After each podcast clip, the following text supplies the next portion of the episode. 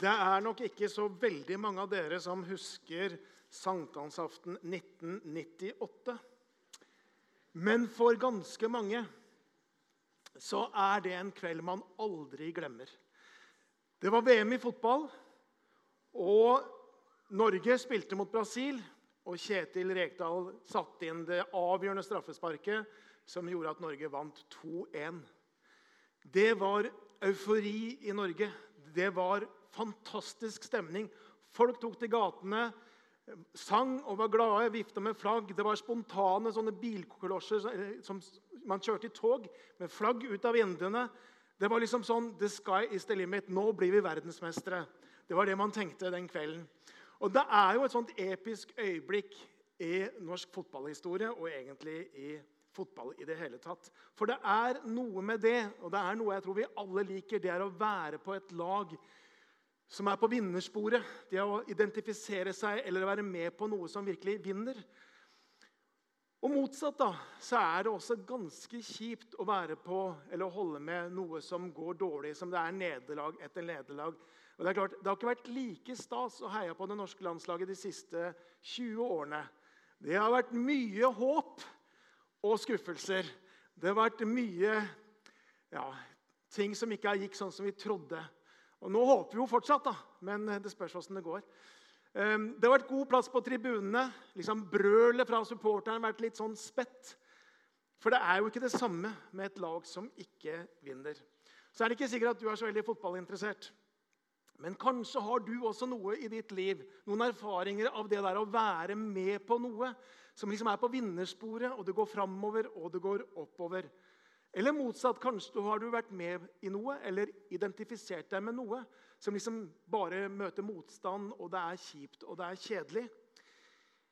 I dag så skal vi snakke om Kirken.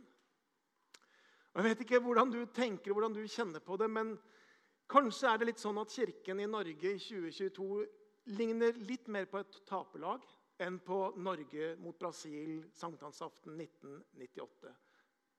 Det kan godt være. Store medieoppslag de siste årene refererer i hvert fall undersøkelser som sier f.eks. at stadig færre medlemmer i Den norske kirke. Eller de fleste nordmenn tror ikke på Gud.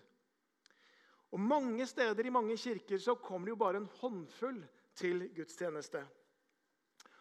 Og mange bedehus de siste årene har blitt lagt ut til salg. Det er helt riktig. Tvedesandsposten. Og så har bedehusene blitt leilighetsbygg, eller de har blitt brukthandler, eller bruktbutikker, eller det har blitt eh, kafeer osv.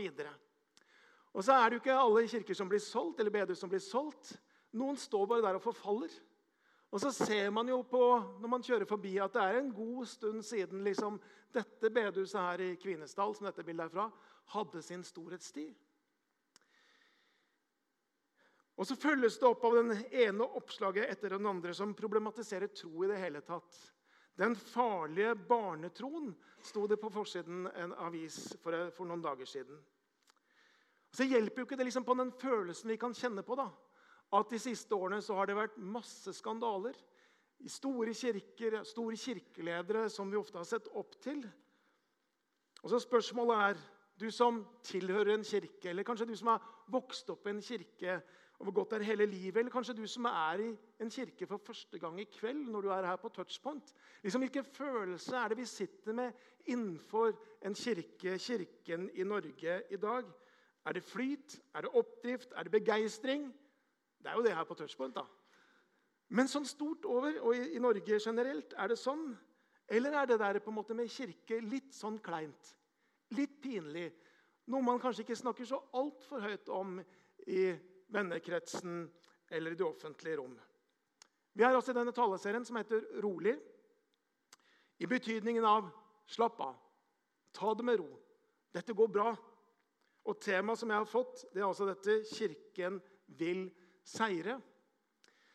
Og Med den innledningen så tenker du kanskje at Marius har gitt meg en vanskelig oppgave. Litt dårlig gjort å sette meg i den situasjonen. ikke sant?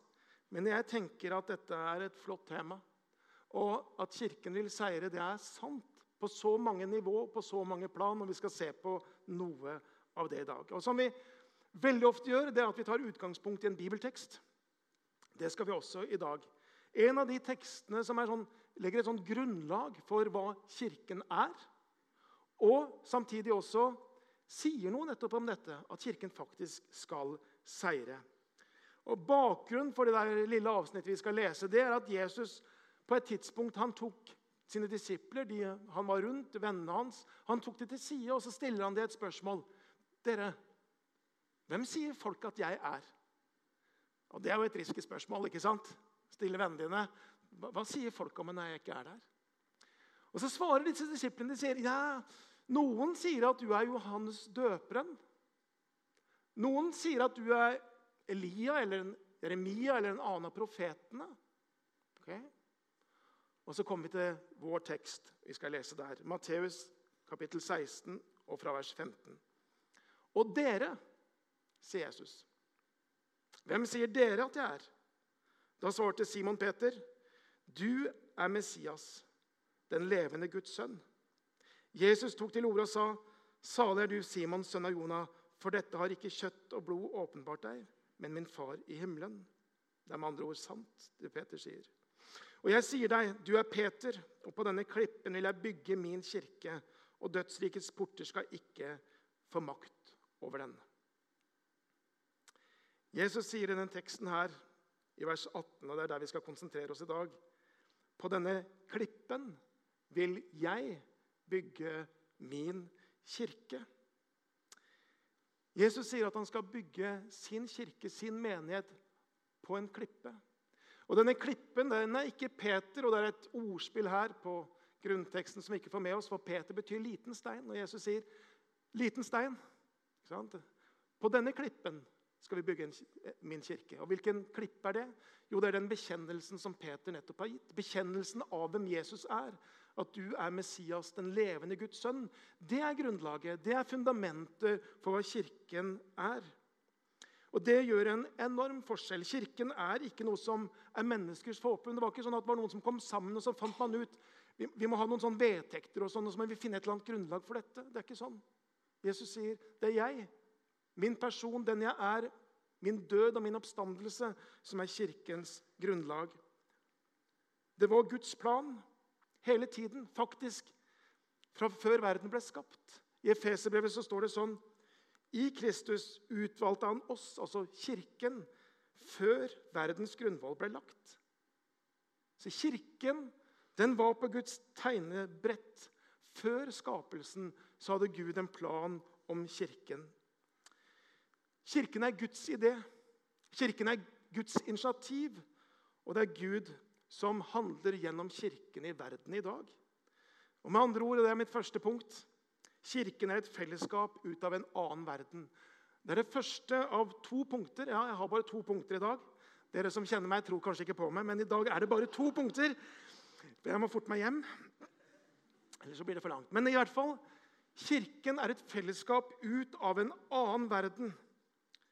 Og Jesus sier, 'Det er jeg som vil bygge min kirke. Det er han som handler gjennom kirken. Han er ikke bare grunnlaget, men han er også byggmesteren. Og han er den som gjør det som skjer med kirken i verden i dag. Jeg synes Det er interessant, altså for Gud lovte aldri at han skulle bygge sitt sykehus eller sitt universitet eller en eller annen institusjon, men han sier jeg skal bygge min kirke. Det betyr ikke at disse andre institusjonene er på en måte mindre betydningsfulle. Men de har ikke på samme måte Guds løfte. Gud står direkte bak sin kirke. Og Derfor er kirken eller menigheten et fellesskap annerledes enn alle andre fellesskap. Det er et fellesskap som vi ikke er samla fordi vi ja, tenker likt om alle ting, eller har på en måte de samme menneskelige eh, samme alder eller samme kjønn eller et eller annet. Grunnlaget er at vi alle er invitert av Kristus og får del i hans død og hans oppstandelse. Og gjennom det så etableres Kirken.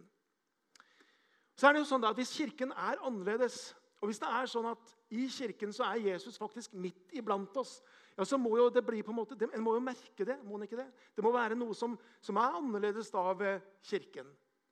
Og Så kan vi høre mange vitnesbyrd, og dere kunne sikkert ha delt noen dere også. Men i mitt liv så er det i hvert fall sånn at at når jeg vokste opp, når jeg var ungdom, så var kirken mitt fristed. Det var det beste stedet jeg kunne være. Særlig i ungdomsskolen syntes jeg det var slitsomt. Jeg hadde ikke noen sånn kjemperelasjon med lærerne. opplevde det utrygt.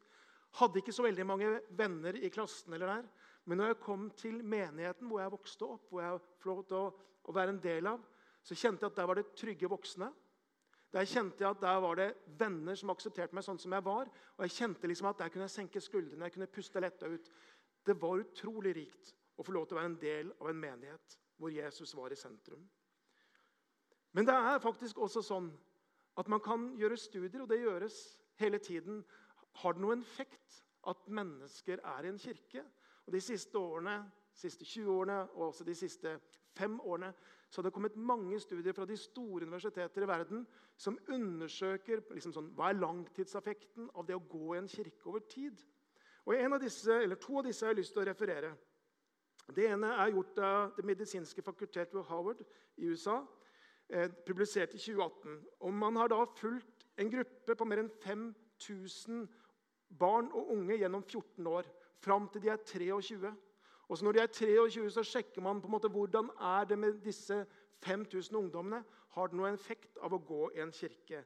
Og så finner de faktisk følgende. Det er overraskende resultat for dem. De skriver å delta i kirkelige aktiviteter i barne- og ungdomsårene kan være en beskyttende faktor for en rekke sosiale og helsemessige utfordringer i tidlig voksen alder. Og hør. Forskerne fant at barn og ungdom som deltok på ukentlige gudstjenester eller praktiserte daglig bønn, rapporterte større tilfredshet med livet i 20-årene og var bl.a. mindre utsatt for senere av depressive symptomer og røyke, bruke ulovlige stoffer, enn de som var oppvokst uten slike åndelige vaner. Så det der å bli tatt med i kirken som barn og Det er kanskje noen av dere som har blitt det. Og kanskje noen av dere liksom har syntes det har vært litt kjedelig.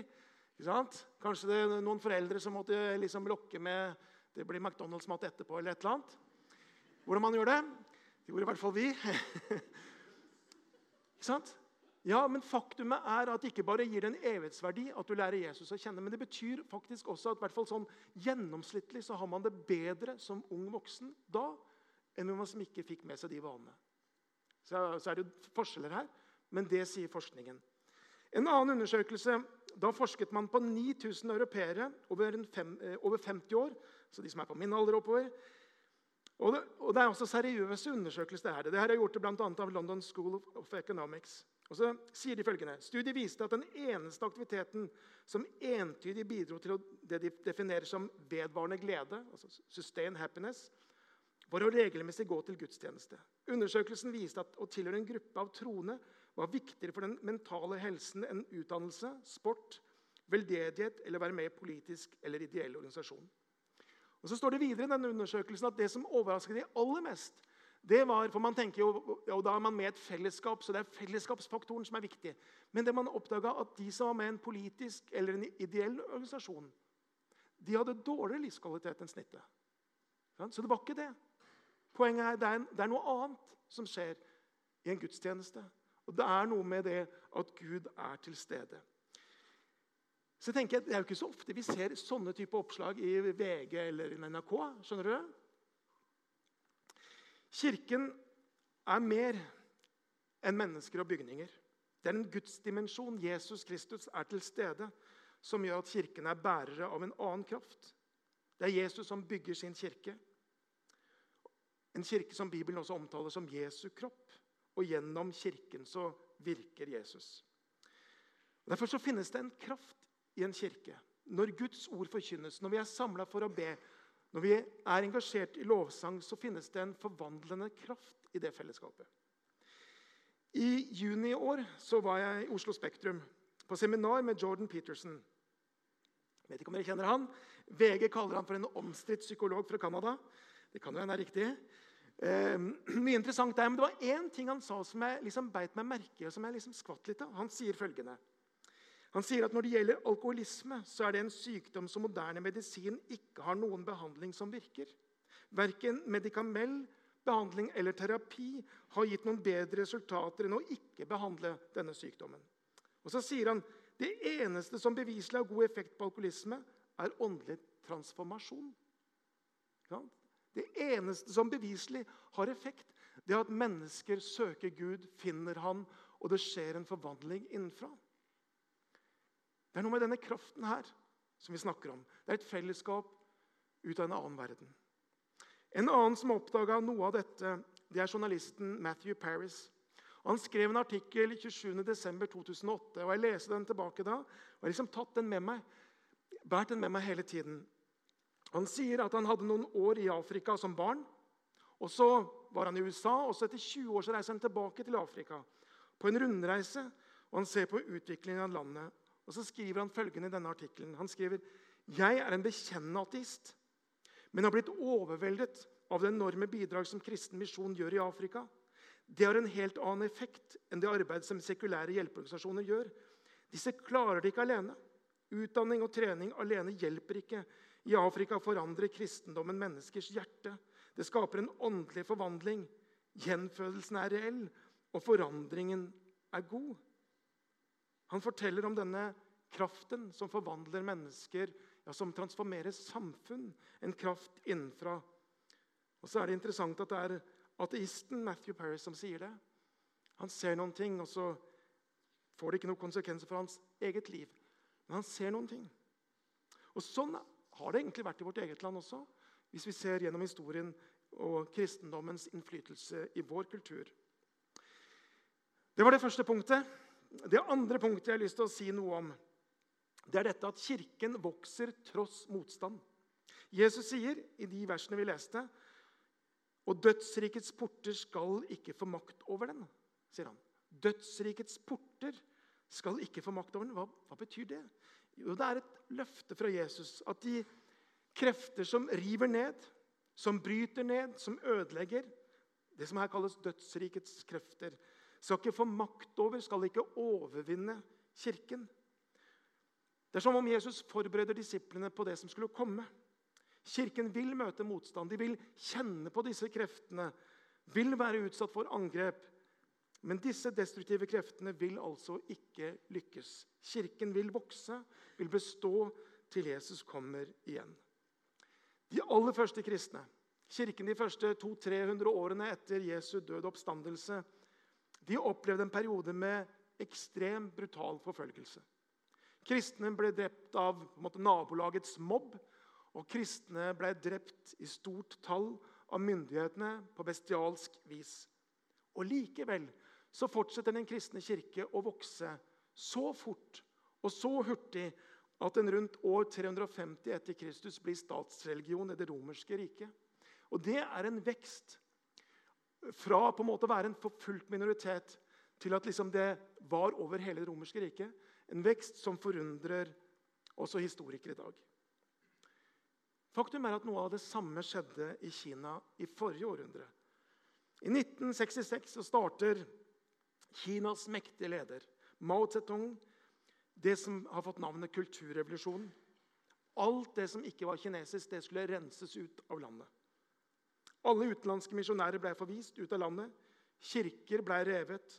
Det ble forbudt å lese bibler. Og kinesiske kristne, og særlig ledere og pastorer, ble fengslet i stort antall. Og I 1966 så regner man med at det var ca. 600 000 kinesiske kristne i det landet. Med da en befolkning på ca. 750 millioner. Altså Det er en bitte, bitte liten minoritet.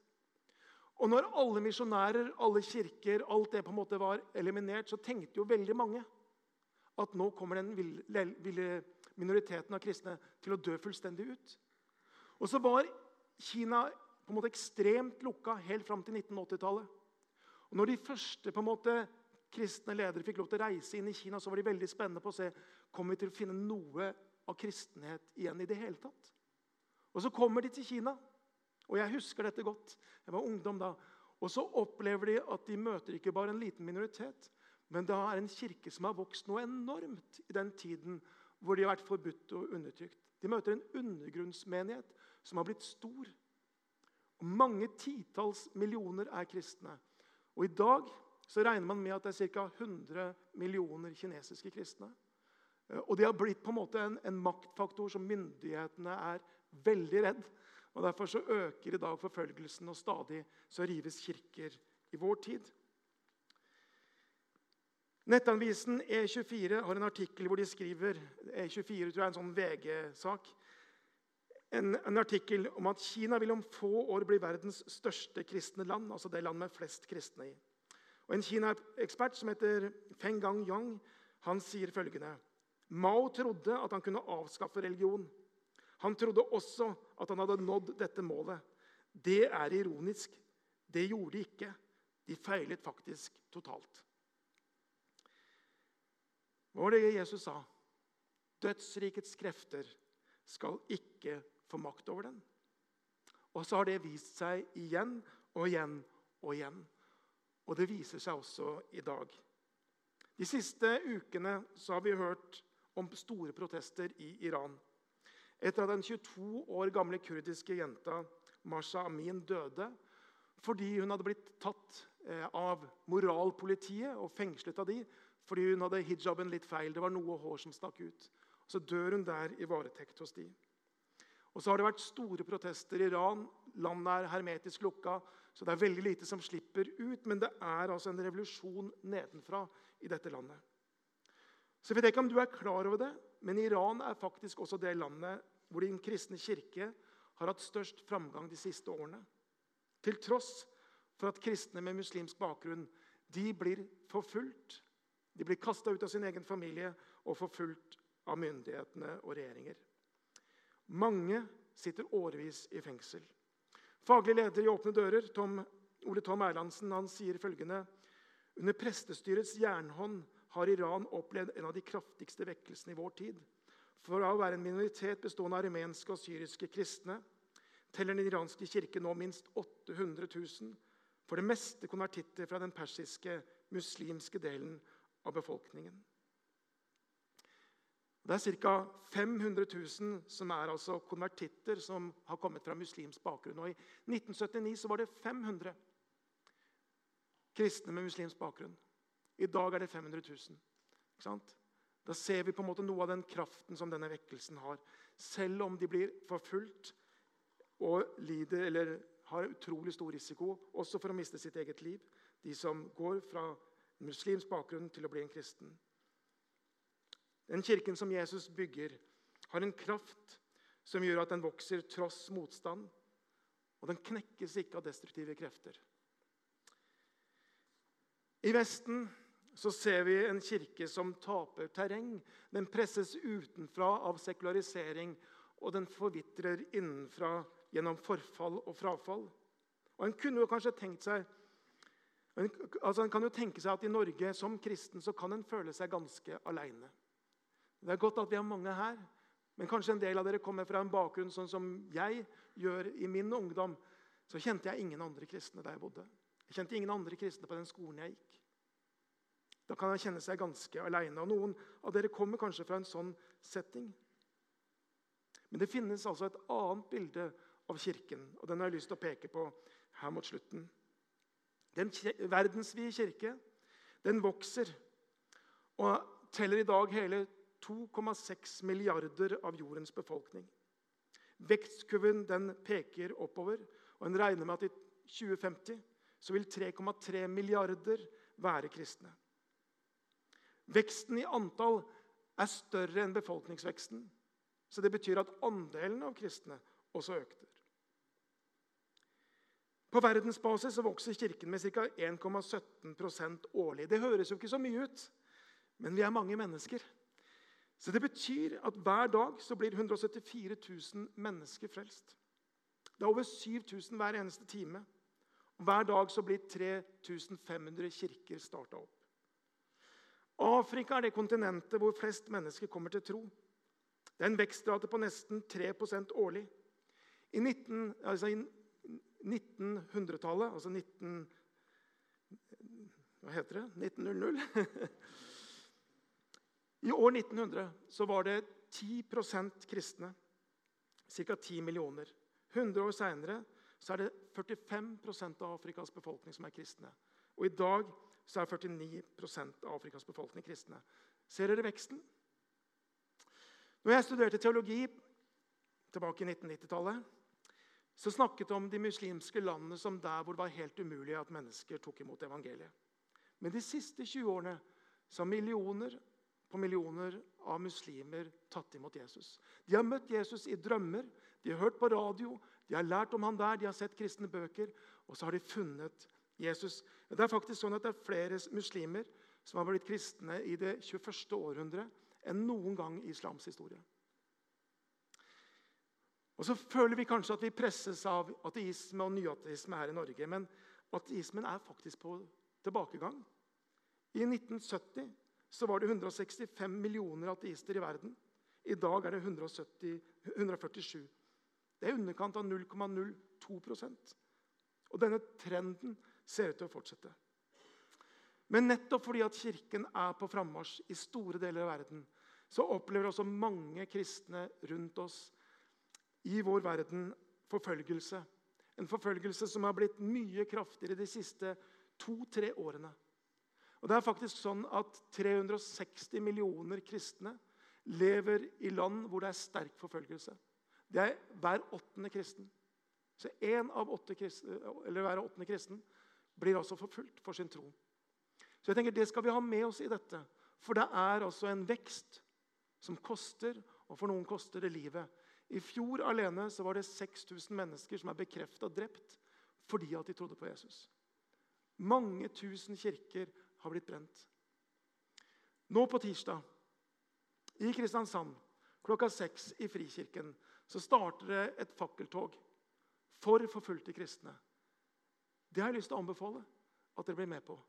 Og viser noe av den støtten til de forfulgte kristne. Det betyr faktisk noe at noen her i Norge går i tog. For tre år siden så gikk det et tog hvor spesielt man på en måte markerte og ville støtte de syriske kristne.